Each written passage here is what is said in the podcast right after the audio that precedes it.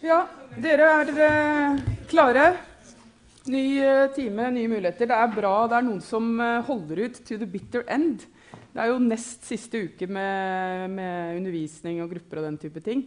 Så vi har forelesning i dag, og så har vi neste tirsdag, og så er det helt slutt fredag om halvannen uke. Så det er bra at det er noen som liksom kommer og holder liksom gruppa oppe på vegne av alle. Og så er det jo sikkert mange med oss der ute på podkast som uh, hører på uh, forelesningen som en del av forberedelse til eksamen. Jeg føler jeg har et stort publikum, selv om vi ikke akkurat fyller U40 lenger, sånn som vi gjorde de første forelesningene. Men dere er her, og det er bra. Um, vi har da uh, fremdeles hellige som tema. Vi er på time 14 av 16 forelesninger. I dag skal vi snakke litt om resepsjon. Eh, først skal vi snakke om tidlig resepsjon. Vi skal nemlig snakke litt om manuskripter. Nye testamentet-manuskripter. Og hvordan de tekstene vi har med å gjøre, hvordan de hellige tekstene hvordan de er blitt til. Hva slags type mediekultur som har skapt dem. I andre time så får vi rett og slett besøk av et eh, sentralt menneske. Vi får besøk av Halvor Moxnes, som har skrevet den ene pensumboka deres, som dere har lest eh, deler av tidligere i semesteret, og resten av til timen i dag. Halvor skal rett og slett eh, være her en hel time med oss og fortelle om boka. Si hva han har skrevet. Er åpen for spørsmål og samtale. Jeg kommer til å intervjue han litt sånn i andre time.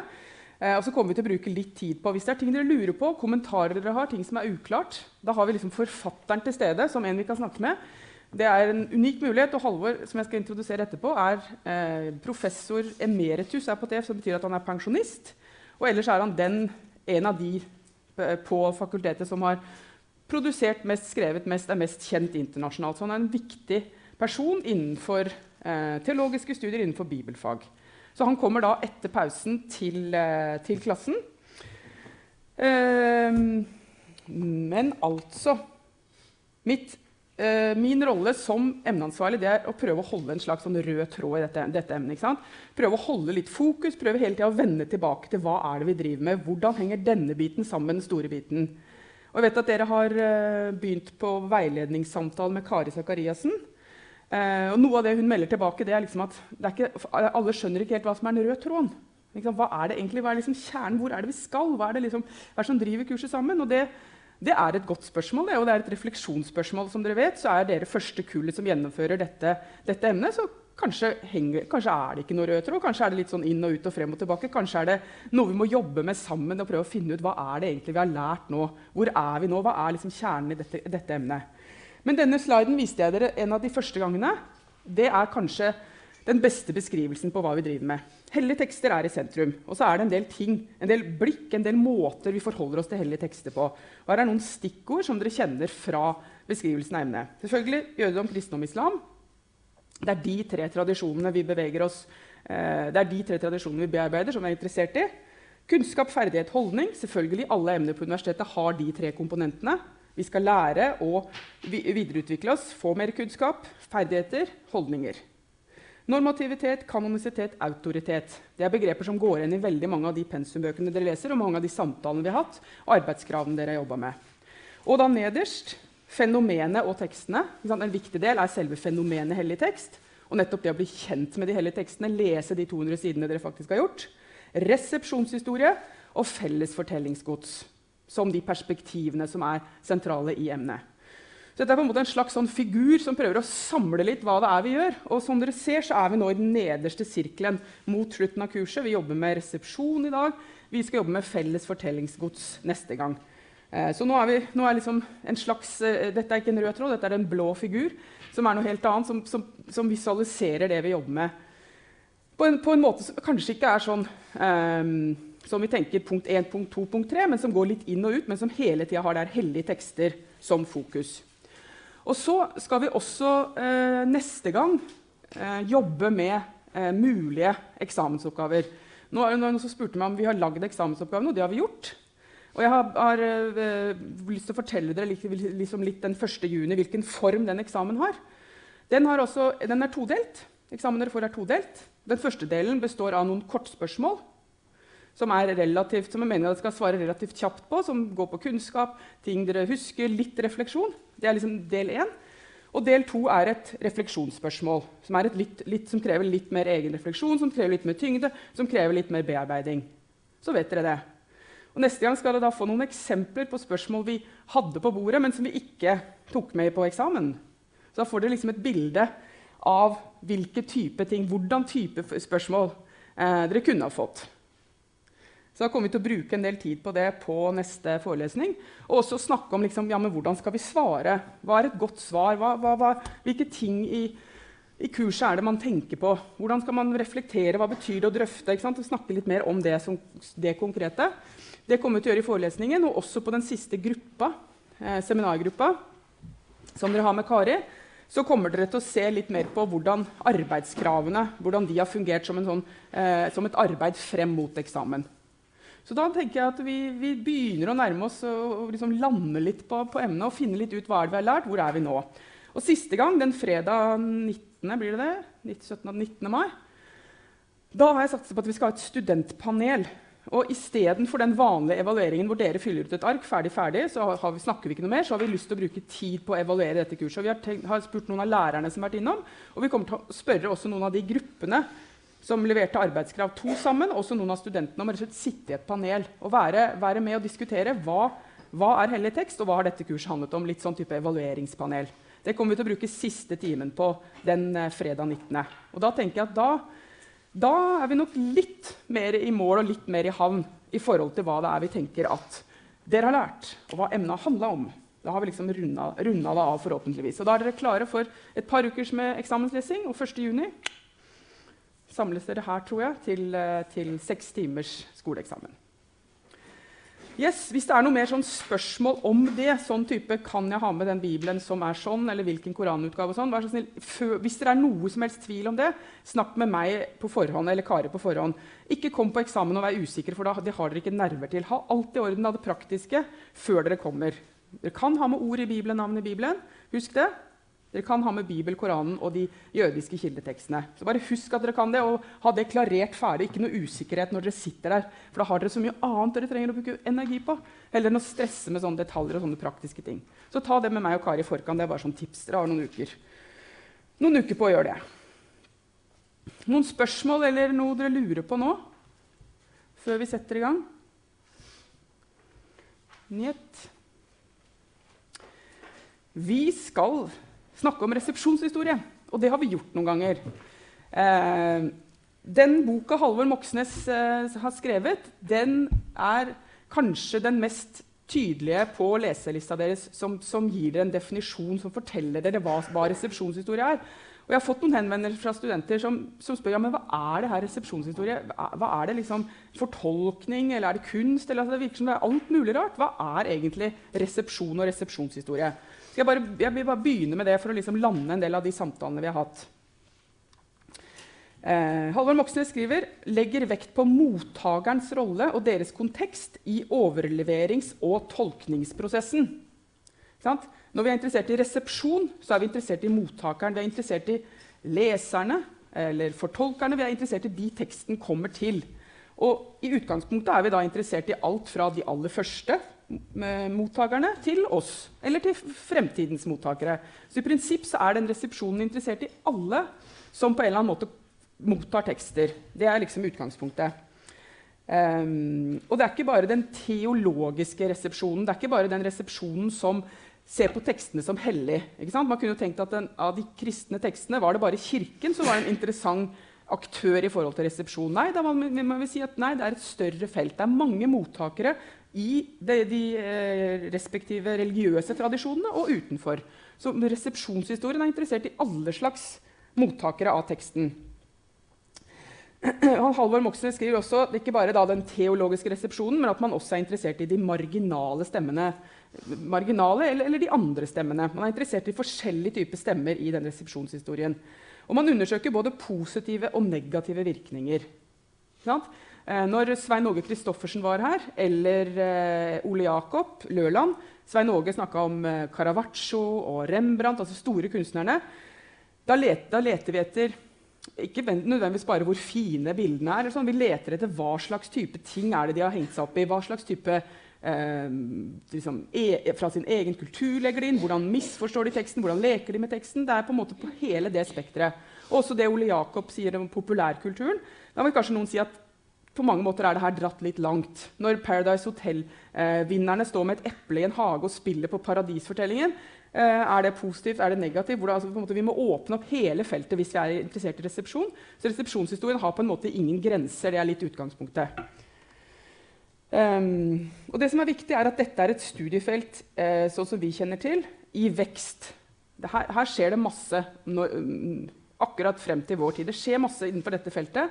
Og det vi jobber med, kommer på mange måter fra, eh, kommer fra bibelfaget. Det er, det er eh, NTGT som, har, som, driver særlig med resepsjonshistorie. Det begrepet hører man mye innenfor bibelfagene. Men man kan også snakke mer allment om resepsjon og andre tekster. og det gjøres Hvis dere har vært borti litteraturvitenskap eller vært andre fag på HF, så er resepsjonshistorie noe man driver med innenfor, innenfor særlig tekstkultur. Eh, man kan snakke om resepsjon av Homer eller Ibsen. Det er på en måte mottakerens rolle som blir interessant i disse store tekstene. Um, og så da, eh, kan vi tenke at Feltet også kan utvide seg. Resepsjon av hellige tekster innenfor jødedom, kristendom og islam begynner man også å snakke om hvordan, hvordan er uh, samtidennummeret snakker om Koranen i norsk litteratur. Hvordan er Koranen, Hvilken resepsjon av Koranen finner vi i samtidige forfattere? Ja. Må det være en type sånn klassisk tekst for at det skulle kunne oppstå en resepsjonshistorie? Eller kan det også være liksom, nyere verk? Ja. I utgangspunktet, kan, I utgangspunktet, kan, det være det, men der hvor det, liksom, der hvor det, har gjort seg et nedslag, kan du si, det er på de klassiske kanoniske tekstene. Men man kan også tenke ja, resepsjon av uh, Jan Kjærstads roman om hvis man tenker at, Eller Knausgård, ikke minst. Altså, hvis det var, ja, Nå ble jo det nesten litt sånn kanonisk igjen. Men det er et veldig godt spørsmål. Må det ha en viss status uh, for at man liksom kan snakke om en resepsjon og en resepsjonshistorie? Altså, I utgangspunktet ikke, men det er, vel der det, har, det er vel der det har blitt noe av det. Men det kan, jo også tenkes, det kan vi jo tenke litt kreativt om. Altså, Eh, jo, men på, på, Snåsa hadde akkurat denne diktsamlingen stor resepsjon pga. I utgangspunktet kan man absolutt si det. Eh, men det som, er, det som, er, viktig, er at når vi snakker om resepsjon av Koranen, på samme måte som vi snakker om resepsjon av Bibelen, så må vi på en måte huske på at her, den teorien omkring det innenfor hellige tekster kommer fra bibelfaget. Det er ikke dermed sagt at det ikke går an å snakke om resepsjon av, Koranen, men liksom språket og måten å tenke på kommer fra den fagtradisjonen. Og Det skriver også Halvor Moxnes litt om i den boka. Vi skal rett og slett se på veldig tidlig resepsjonshistorie. Det ene kapitlet i, eh, hos Halvor snakker om nettopp dette med mediekultur. Hvordan ble tekstene til? Og Det jeg skal si litt om nå, det er bygger, bygge på det han skriver. Altså, hvordan er det sånn at vi har Her har jeg et Nytestamente.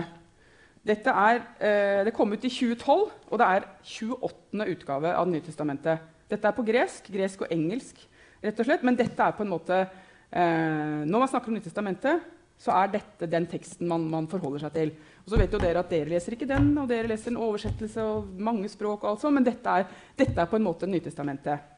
Men Det nye testamentet det har en lang forhistorie. Det er ikke sånn at dette her på gresk det er trykka opp fra det Paulus skrev i år 70. Det er ikke sånn at akkurat den, det brevet har vi liksom gjengitt her. Eller Markusevangeliet har, har ikke det gjengitt her. Det er en ekstremt kompleks prosess ekstremt kompleks prosess før den teksten kan foreligge. Og det er nettopp det vi skal snakke litt om i dag. Vi snakker om at vi har en del manuskripter. Og manuskripter det er alle tekster før boktrykkerkunsten. Har, noen av dere tar kirkehistorie eller andre historiefag. Vi snakker om ganske mange år med med tekster som er håndskrevne. Og I Det sammenheng er de på gresk, men de fins også på koptisk, på syrisk, på latin. Så det fins også en del oversettelser.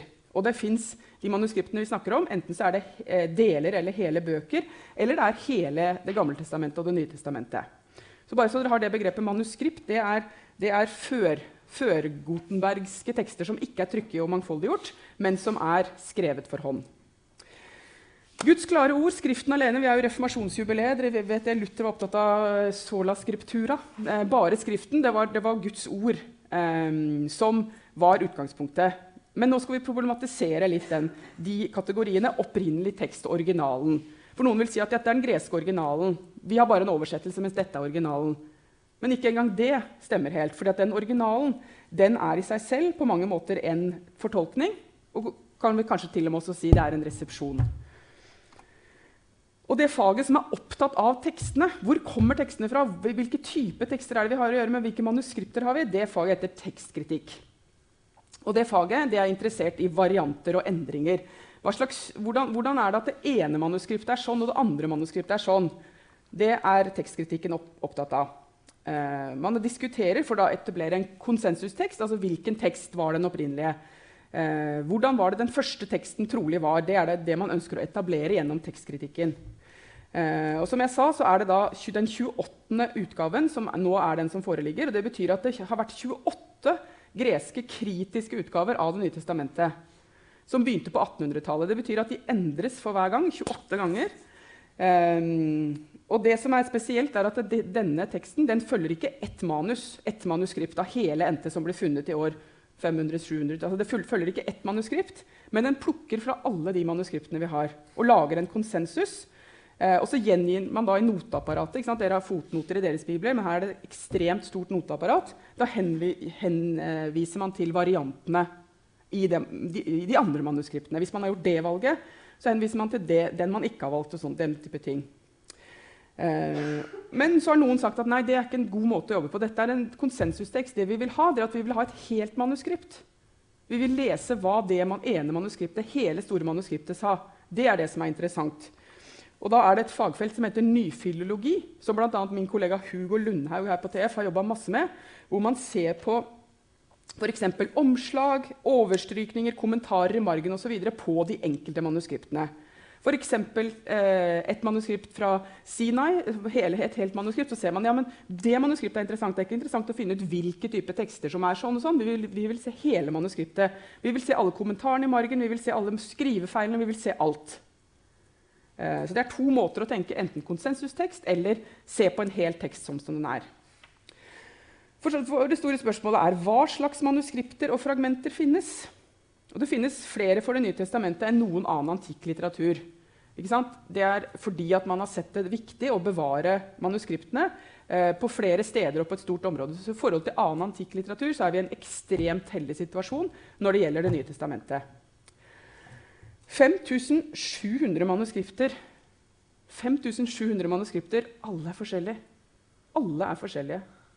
Om, fra Det nye testamentet. NBNB, eh, Guds klare ord, originalen, det begynner å flaske seg litt til for oss. 5700. Som da er alt fra små fragmenter til hele bøker. Eh, og de fleste merkte dere det? Dere trodde kanskje at de fleste manuskriptene var fra ca. år 70-80-90, da det liksom kanskje ble skrevet. Nei, de fleste manuskriptene og bitene vi har, av de 5007, er fra middelalderen. Flere hundre år etter at de liksom skal ha vært skrevet. Eh, og, mange, og, Det betyr at det er mange århundrer, selv tusen år, etter at de opprinnelig ble skrevet. Og det er små og store ulikheter mellom alle de 5007. Eh, og ikke to manuskripter er like. altså ikke noen er like, enten det er fragmenter eller manuskripter. eller hva det er. Og det er flere ulikheter enn ord. Altså, bare, liksom, det er en helt sånn absurd setning, men det, det sies. Det er flere ulikheter in, internt mellom alle disse enn det er ord i selve Nytestamentet. Så hvorfor har vi så mange ulike varianter? Hvorfor har vi ikke bare én? Liksom tenkt, men vi har jo noe som heter Novum testamentum grecae. Det er jo originalen. Vi har da én tekst. Vi har jo samla det her. Hvorfor er det så mange utrolig mye forskjeller? Den som kopierte teksten, kunne endre den. Den som kopierte ett manuskript eh, Sett at det var eh, Paulus' brev til galaterne ble skrevet. Sånn og sånn og sånn, Sendt til galaterne. Eh, og så var det noen som sa å, det brevet det har jeg lyst til å ha. Enten hjemme eller jeg har lyst til å sende det videre til noen. eller jeg har bare lyst til å ha det. var det en, en som sa.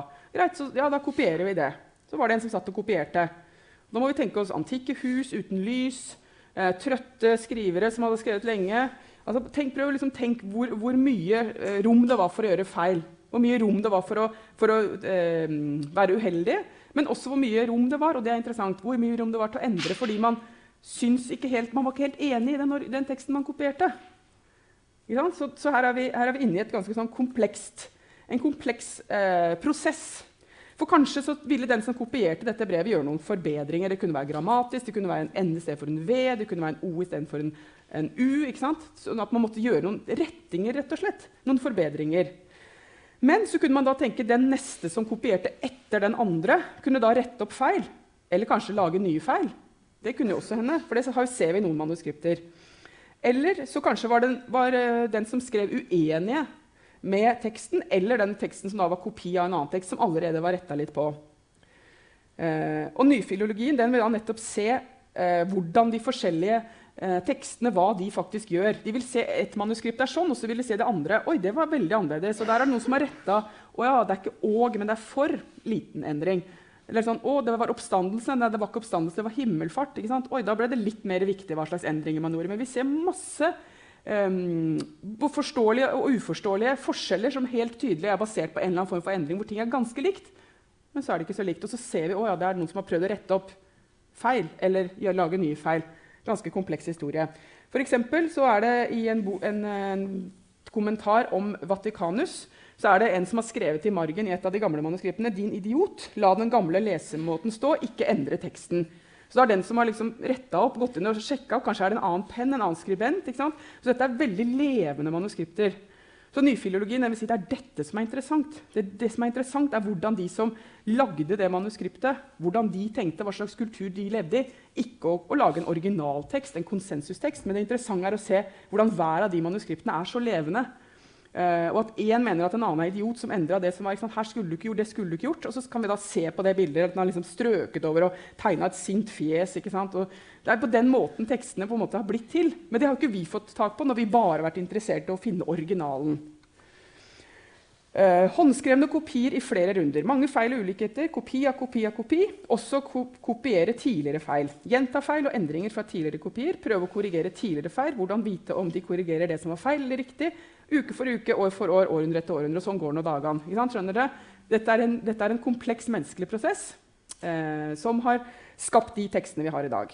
Og det er ulike former for tekst. Hvis vi prøver å tenke oss en sånn original, den første Og den har vi ikke bevart.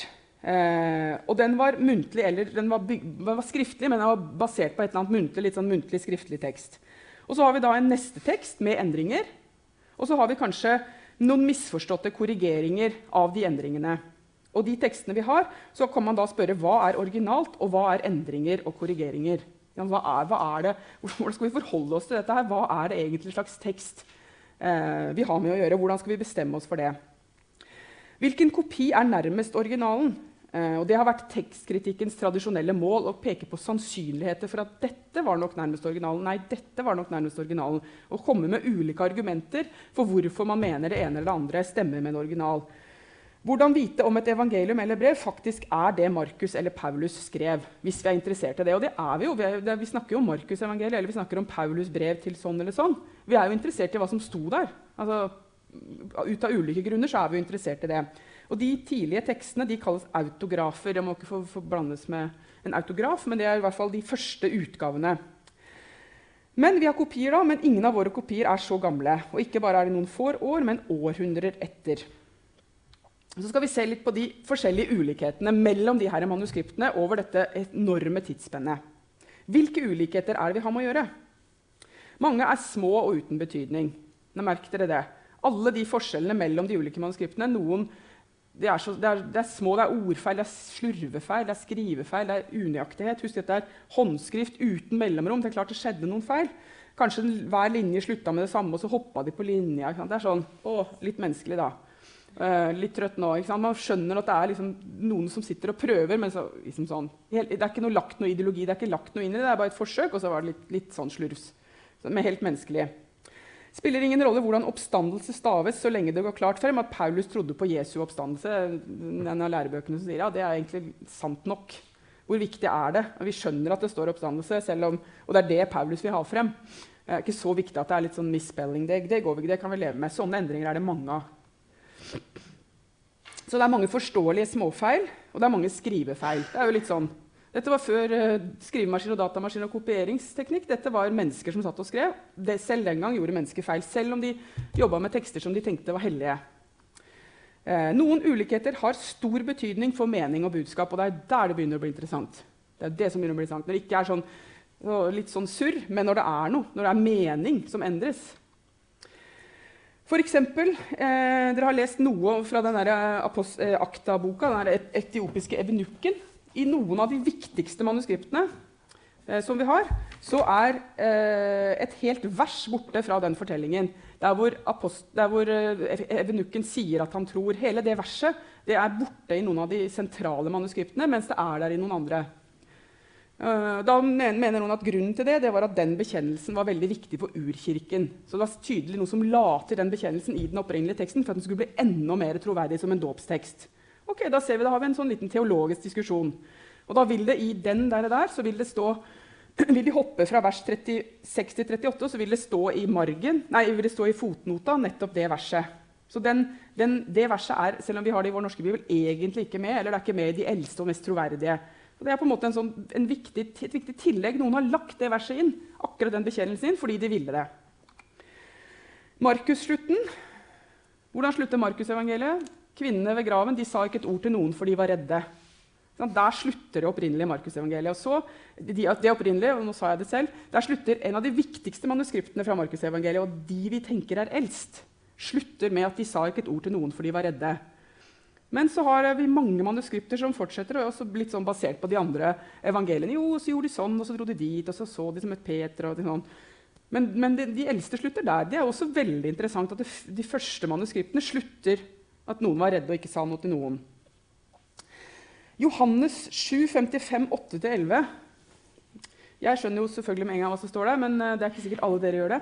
Dette er rett og slett den teksten, en av de mest liksom, folkekjære bibeltekstene med Jesus som eh, kom, kommer no, hvor noen skal steine en kvinne som er tatt i ekteskapsbrudd.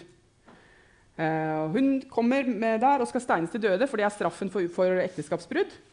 Og så eh, de, spør de ja, Jesus, hva, hva vil du gjøre nå. Liksom? Og de vet at hvis han sier eh, det gjør ikke noe, da har han fornekta loven. Og hvis han sier det er helt greit, han, altså han, han kan, det er et dilemma. Han lures ut på glattisen. i den fortellingen, Og så eh, bøyer han seg ned og begynner å skrive i sanden. Og så er det, nei, Først så sier han 'Den av dere som er uten synd, kan kaste den første sten'. sier Jesus. Noe av de mest berømte Jesusordene. 'Den av dere som er uten synd, kan kaste den første sten'. Og så blir alle sånn Oi, da, da, tror jeg ikke kanskje jeg skal kaste stein. Og så står det da gikk de alle bort, de eldste først. De eldste først, de klokeste først, de som hadde levd lengst, skjønte at ingen av de var uten synd. Ingen kunne kaste sten. Tar med seg stenen sin og går. Og Så reiser Jesus opp og sier ja, men hvor er alle sammen. Nei, de har gått. Å, sier han. Ja, heller ikke jeg fordømmer deg. Gå bort og synd ikke mer, sier Jesus da. Det er en sånn ekstremt sentral scene med alle Jesus-filmer. med, med liksom alle, det er liksom, det er, det er, Hvis noen skal si 'Hvem er Jesus?', så trekker vi frem den fortellingen. Den er helt liksom prime i masse kirkekunst overalt. Men den er ikke en del av noen av de eldste manuskriptene. Den kommer liksom inn på tusentallet. Veldig synd. Veldig synd at en så fantastisk fortelling, som er liksom kjernebudskapet i evangeliene, ikke er der. Men så er den der likevel, for den har jo en resepsjon, og den finnes i noen kirkefedre. så den, ja, Og så var det den kvinnen som, Så den fins nok der som en del av en muntlig overlevering. Og mange mener at Jesus kan gjerne ha gjort det sånn rent historisk. Så det er en sånn stor diskusjon, men det er, klart, det er jo litt forskjell at den teksten ikke er med i Johannes-evangeliet. At den ikke er med i noen av de eldste variantene av Johannes-evangeliet. Og Noen ganger er den med i Lukas-evangeliet, og noen ganger er den bare satt etter hele evangeliet. Ja,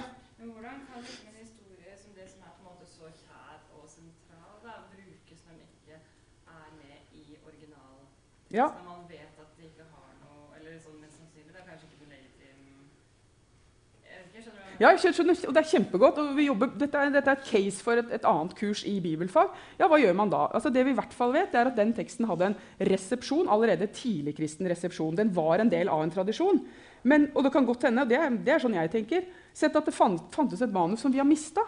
Det er jo ikke sikkert vi har alle manusene. Kanskje det var en Johannes-variant som var den aller første autografen, som var lest så mye at den var helt utslitt.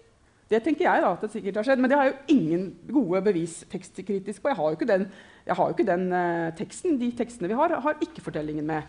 Men, man, men, det man kan si, er også at vår tid har jo en formening Vi bryr oss ikke om man har vært der 2000 eller 1000 år. Den er en så viktig del av kanon for oss. Apropos kanon. Selv om alle vet at den ikke er en del av de første manuskriptene, så er det noe hellig tekst i kraft av å være, eh, bli, ha blitt så viktig. Men, men eh, jeg hadde akkurat et sånt foredrag for noen eh, prester som tar sånn etter- og videreutdanning, hvor nettopp de sa at ja, men, noen sa ja, men dette er ikke Guds ord. Det står ikke i de eldste manuskriptene. Vi må forholde oss til de eldste manuskriptene. Hvor noen andre sier ja, men det spiller da ingen rolle. Den er jo så viktig. Den er jo så vakker, den er så fin. Ja, det er, ja, det er, det er interessant. Og, og I Den norske kirke, som jo har dette som hellig tekst, så har man etter siste revisjon bestemt seg for at dette er en prekentekst. Den har aldri vært det før, fordi man har tenkt at den er ikke egentlig en del av sånn. Men nå har den blitt en, en fast prekentekst i tekstrekkene som prekes over hver søndag i kirken. Mens våre danske kollegaer i Folkekirken Danmark de syns det er helt oppsiktsvekkende. Hvordan kan dere bruke en tekst som evangeliet som ikke er en del av den historiske originalen? Det syns de, de, er uteologisk. Så har vi, der har vi det. Men det viser noe om én fortelling som da Det blir jo litt viktig, det blir et annet Johannes-evangelie hvis den teksten er med eller ikke med. Og Det er en, det vil jeg si en vesentlig ulikhet og noe av det viktigste i Johannes-evangeliet eh, i forhold til tekstkritikk. Siste lille eksempelet, Lukas 22, 43-44. Det står at Jesus eh, i Getsemane påskedrama eh, eh, han gråter, så svetter, eh, gråter tårer av blod. Ikke sant? Det er en sånn utrolig sterk lidelsesscene der alene i hagen. og frykt, Det er fryktelig gripende. Mange manuskripter har ikke det med. Og Det handler om diskusjonen om Jesu menneskelighet. Gud, Hvis Jesus var Gud, hvordan kunne han gråte og være blod? Det ble for mye kroppsvæsker her, tror jeg. At, eller det, ikke bare jeg, men det er liksom det, en, en, mulighet for å ta den inn var å si at Jesus var et menneske. En mulighet for å ta den ut var å si at Jesus var ikke så mye menneske. Så da, da, står rett og slett om et tidligkristen dogme Jesus, eh, Jesus som Gud og menneske. Ikke så mye menneske, kanskje, eller ja, nettopp så mye menneske. Så man kan si at De to versene er tatt ut og henholdsvis inn, eh, nettopp for å, liksom, for å, gi det bildet av Jesus som man mente var det riktige. Ja. Men hva med Johannes 11,35, som bare er Jesus gråt? Ja. Men altså, hva, eh, det, da er det bare ja, og Det, og det, det det fins ingen manuskripter som har vært uenige om det. Men det er Johannes-evangeliet. Det er en litt annen, liksom, en annen type evangelium. Men uh, det, er, det, er, et poeng. Er, det er, helt sant. Var det flere hender? Nei? Tre, eh, nei bare et sånt veldig kort sideblikk.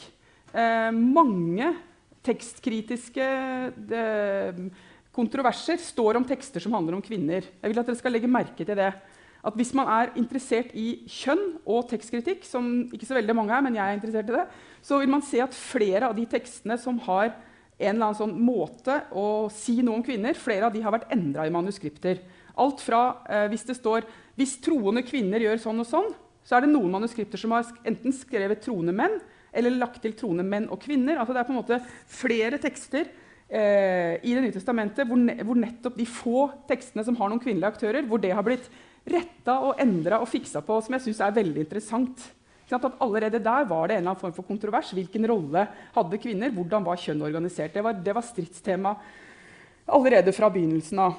Eh, jeg må bare nevne den Romerne 16,7, som er en liste med folk som skal Paulus hilser til slutten av romerbrevet. Der, det, eh, der er det altså i noen manusk de, de eldste manuskriptene har Junia, som er ubestridt et kvinnenavn. Eh, og så er det noen manuskripter som har Junias, som er et helt ukjent mannsnavn som ingen hadde.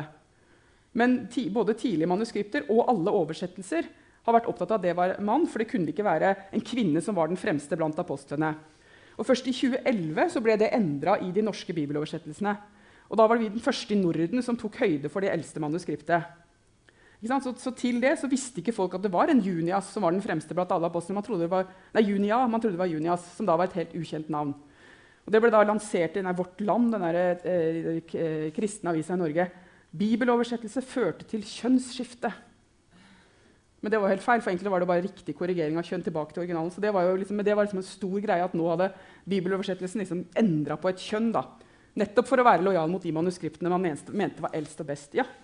Vet vi noe om, eller vet vi mye om forfatterne av disse uh, på en måte, Manus Ingenting. ingenting. Nesten ingenting. Vi vet noen om noen av oversettelsene, men stort sett så er dette anonymt. Og husk, det er uh, vi skal se på, på fragmenter som er funnet i en søppelhaug. Altså det er, dette er satt sammen. Noen er hele manuskripter som man tror f.eks. var i klostermiljøene. Da har man jo litt mer sånn kunnskap jo, men det må ha vært den og den abbeten i det klosteret. Altså, noen har vi litt mer kunnskap om, men mange har vi ikke noe om.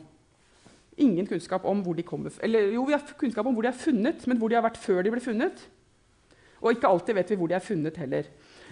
Vi skal se på Her er jeg rett og slett med til dere et lite originalfragment. Dette er det eldste fragmentet av Nytestamentet. Det er credit card size, som en sånn amerikansk kollega har sagt. Det er på størrelse med et kredittkort. Kan ha det i lommeboka. Eldste fragmentet av Det nye testamentet. Hvem er det som skjønte at det var Nytestamentet når de fant det? Jeg kan sende det rundt, så kan dere se på det. Dere må ikke bli borte. Det er veldig verdifullt. Nei, jeg bare kopierte fra en bok. Men i hvert fall, dette fragmentet det er det eldste vi har av Nytestamentet. Det heter Papyrus 52 rett og slett fordi det ble oppdaget og kategorisert som nummer 52. Det er ikke noe mer enn det. Og Det ble funnet blant søppel i Egypt i 1920 av Bernard Greenfell. Og På forsiden og baksiden så er det rett og slett Johannes-evangeliet, kapittel 18. Og Trolig er det fra år 125 til 150. Man har tatt karbontest, som handler om at man måler det som er skrevet. Hvor gammelt kan det være? Ikke helt sikre tester, men det er det beste vi har. Så da mener man da at det er sånn ca. 30-40 år etter at man tenker at Johannes evangeliet første gang ble skrevet. Så det er et utrolig interessant tekstfunn. Men vi er på det nivået der. Og det vi rett og slett, ja, her ser dere det. Det er i Nederland, i Bibelmuseet. Det som er i rødt her, er rett og slett det vi kan lese. Eller vi og vi, altså de som kan skjønne, eller de som liksom klarer å dekode hvilke fragmenter dette er, de har da klart å se at dette er fra Johannesevangeliet med Kaifas i Kaifas borg. Så dette er rett og slett eh, første tegn, eldste tegn på Det nye testamentet, som da er en bitte liten bit av et Johannes-evangelium. Og tenk dere 5700 sånne ting, eh, småting. Det teller også som et manuskript. Håndskrevet eh, fragment. Ja, det er et godt spørsmål. ja, altså det, det man, det, hvis man liksom tar der hvor det har gått ned og opp og lager sammen ord, så får man ca. så mye. Og det er forsiden og baksiden. som dere ser. Begge sidene er det skrevet på. Men hele Johannes-evangeliet er da mye eldre. Og mye, eh, hele NT er også mye eldre, fra, det, fra ca. 350. Kopier av kopier. Eh, her har vi rett og slett en slide som sier noe om hvordan kopiidealene altså Tenk på disse menneskene som satt og skrev dette her. Først i middelalderen så hadde de noe litt form for formell utdanning. Hvor det ble andre idealer til nøyaktighet og, og, det at det skulle være korrekt. Og det er stor forskjell på kvaliteten på kopiene fra 200-tallet og årtusen. 800 år imellom har det skjedd mye i forhold til lojalitet mot det du kopierer. Og De eldste kopiene er dårligere enn de nyeste. og Det handler om endrede idealer og endrede teknikker. 200-tallet det, det, var tydeligvis ikke så viktig å være helt nøyaktig.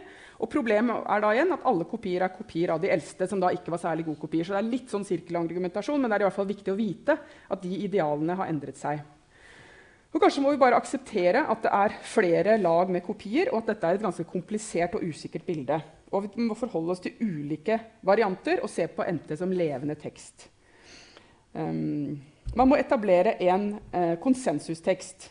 Man må finne ut på en eller annen måte hva som er det mest troverdige her. Den teksten der er et resultat av at noen har uh, sittet, seg ned, satt seg ned internasjonalt, kritisk, et forskermiljø, og sagt hvilke kriterier skal vi bruke, hvordan skal vi finne ut hvilken som er best. Og dette er ganske viktige ting, for dere skjønner hvor vanskelig det er. Manuskriptets alder. Jo eldre, jo bedre. Ikke sant? Har vi lille, det lille fragmentet der, som er det eldste. Det teller tungt. Hvis noen sier jo, men det manuskriptet fra 1200-tallet har en annen variant, vi, vi, det, det, da har man et litt dårlig argument. Man er nødt til å se på det som er eldst. Det er en sånn tanke man har.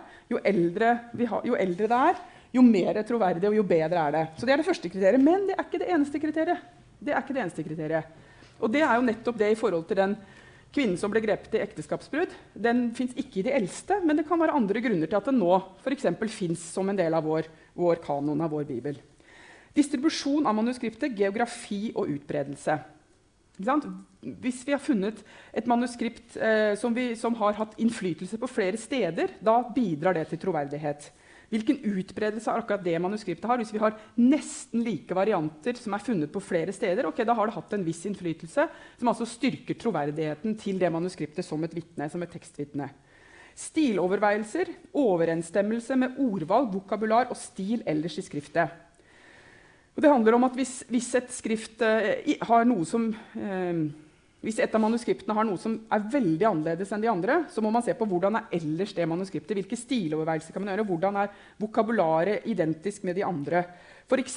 med prologen, altså det første kapitlet i Johannesevangeliet, som noen mener er eh, et senere tillegg. Og annet på bakgrunn av det er så mange ord der. For er det nåde hele tida. Johannes er ikke noe opptatt av nåde, men akkurat i prologen er det nåde, nåde, nåde, nåde over nåde og nåde og sannhet. Noen mener at det må være et senere tillegg. Da blir, det, da blir, ikke den teksten troverdig på samme måte. Så kommer et morsomt argument. Den mest kompliserte lesningen er eldst. Fordi man tenker at neste kopi, kopi, kopierer ville heller gjøre det enklere enn å gjøre det vanskeligere. Skjønner du argumentet? Så Hvis en, en, en, lesning er nesten helt uforståelig og komplisert, og man ser at andre manuskripter har prøvd å gjøre det enkelt, så er det den kompliserte som er den mest originale. Og så manuskriptets generelle kvalitet. En tekst som ellers er troverdig, er også troverdig når andre kriterier ikke finnes. Som dere ser, alltid sirkelargumentasjon i forskning. Det er alltid sånn Til slutt så ser vi hvordan alt henger sammen med alt. Eh, så hvis, hvis, noe ellers er troverdig, og det er et ellers et godt manuskript, så teller det til fordelen for en bestemt lesning eller en bestemt variant i det manuskriptet. Men husk, dette er altså noen mennesker som har sittet og bestemt at dette er kriteriene. Det er en lang prosess, det er en, det er en uh, vitenskapelig fundert prosess.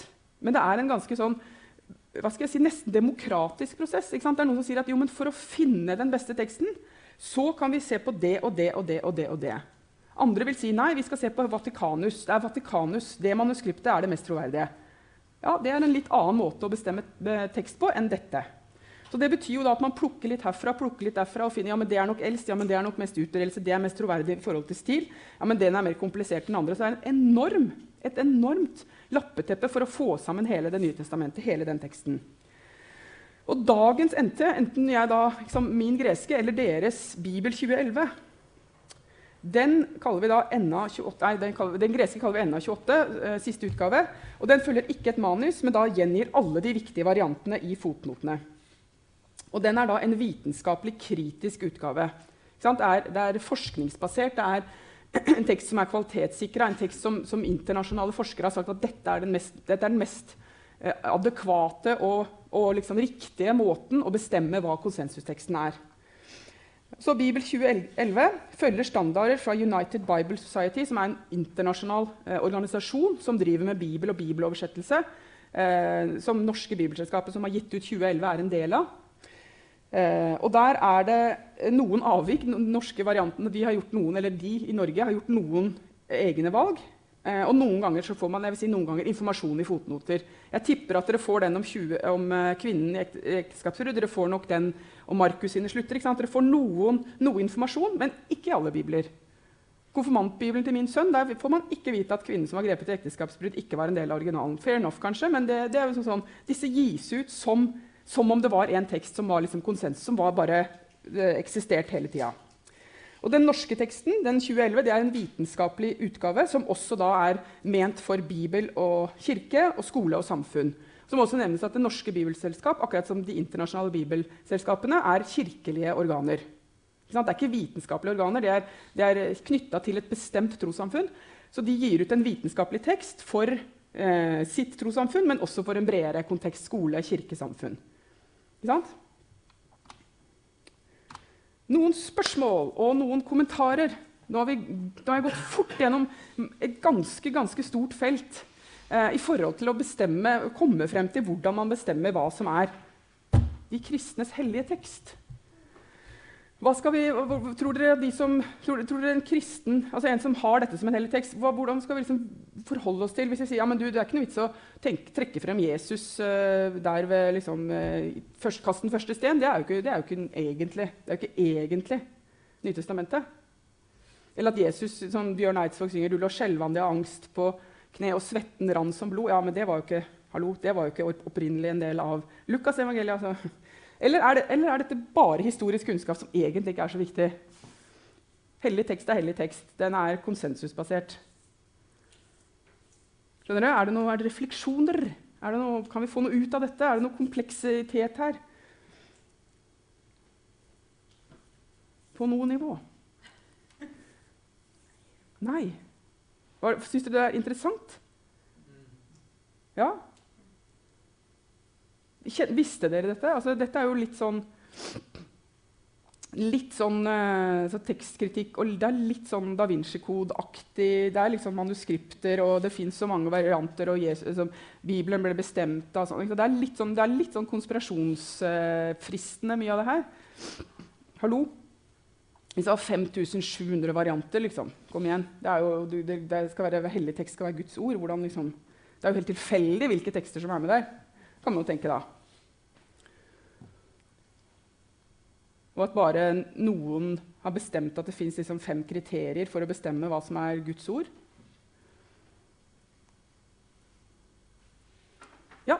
Nå som man har begynt å funne en del altså, døde, Rødehavsteksten og sånne ting, Mm. eh, og eventuelle andre tekster, påvirker de måten vi leser disse tekstene på, eller ser man på en måte at, eller tenker man at vi har eh, våre tidlige utgaver av det som står i altså det, det er konsensus om, det som er kanon for eh, protestantene og katolikkene? Mm. Eh, eller vil de på en måte påvirke at eh, Hvis man ser f.eks. Jesusfortellinger og barnefortellinger og sånne ting, Mm. eh, påvirke måten man leser og eventuelt skriver eh, Mm. Det er et veldig eh, interessant spørsmål. Og sett at vi nå finner et nytt Nytestamentet-funn. Altså at vi finner noe i en eller annen hule i Egypt, så kommer det et helt nytt altså, I teorien kunne det skje. Pluss at det, når du sier det dødehavs... Altså Qumran-funnet eh, Gammeltestamentet, Noen av de gammeltestamentlige profettekstene Der skjedde det faktisk en endring med 2011. At man tok inn en variant, en, for, en lengre variant som man hadde funnet eh, i, i dødehavsrullene, enn den man tidligere hadde hatt. Det er en litt annen manuskriptsituasjon i GT enn det er i NT. Men sett, sett da, altså, vil, vil det endre En ting er det, hva det gjør med lesningene, men vil det endre kanon? Hva hvis vi finner en mye mer troverdig, trolig mye eldre, for vi har tatt karbonprøver, at vi finner Markusevangeliet fra år 90? Som har en litt eh, vel, relativt annen lesning og har en helt annen slutt. Altså, hvordan vil det, hypotetisk, hvordan vil det, vil det endre? Vil, er kanon åpen eller er den lukket? Det er jo egentlig litt det du spør om. Er det mulighet for å ut fra vitenskapelige kriterier endre på dette? Det er, et veldig godt spørsmål. Det kunne i hvert fall endres på i forbindelse med den nye 2011-utgaven. Så valgte man da å gjøre en endring basert på et nyere tekstfunn. Nettopp kanon var ikke endelig. Kanon var villig til å endre seg ut fra historiske funn. Ut fra funn som endra hvordan man tenkte om det originale og det opprinnelige. Yes. Da skal vi ta en, eh, et kvarters pause. Så eh, går vi videre med den boken som Halvor Moxnes har skrevet. Kvart over. Jeg For, lest? Fortellerens marked. Er ikke selv. Nei? Det, altså, den er litt sånn Da Vinci-aktig, og så bare mye mindre action og alt mulig. Ja. Men uh, Jeg kjenner jo til han godt. ja. ja, Uh, der har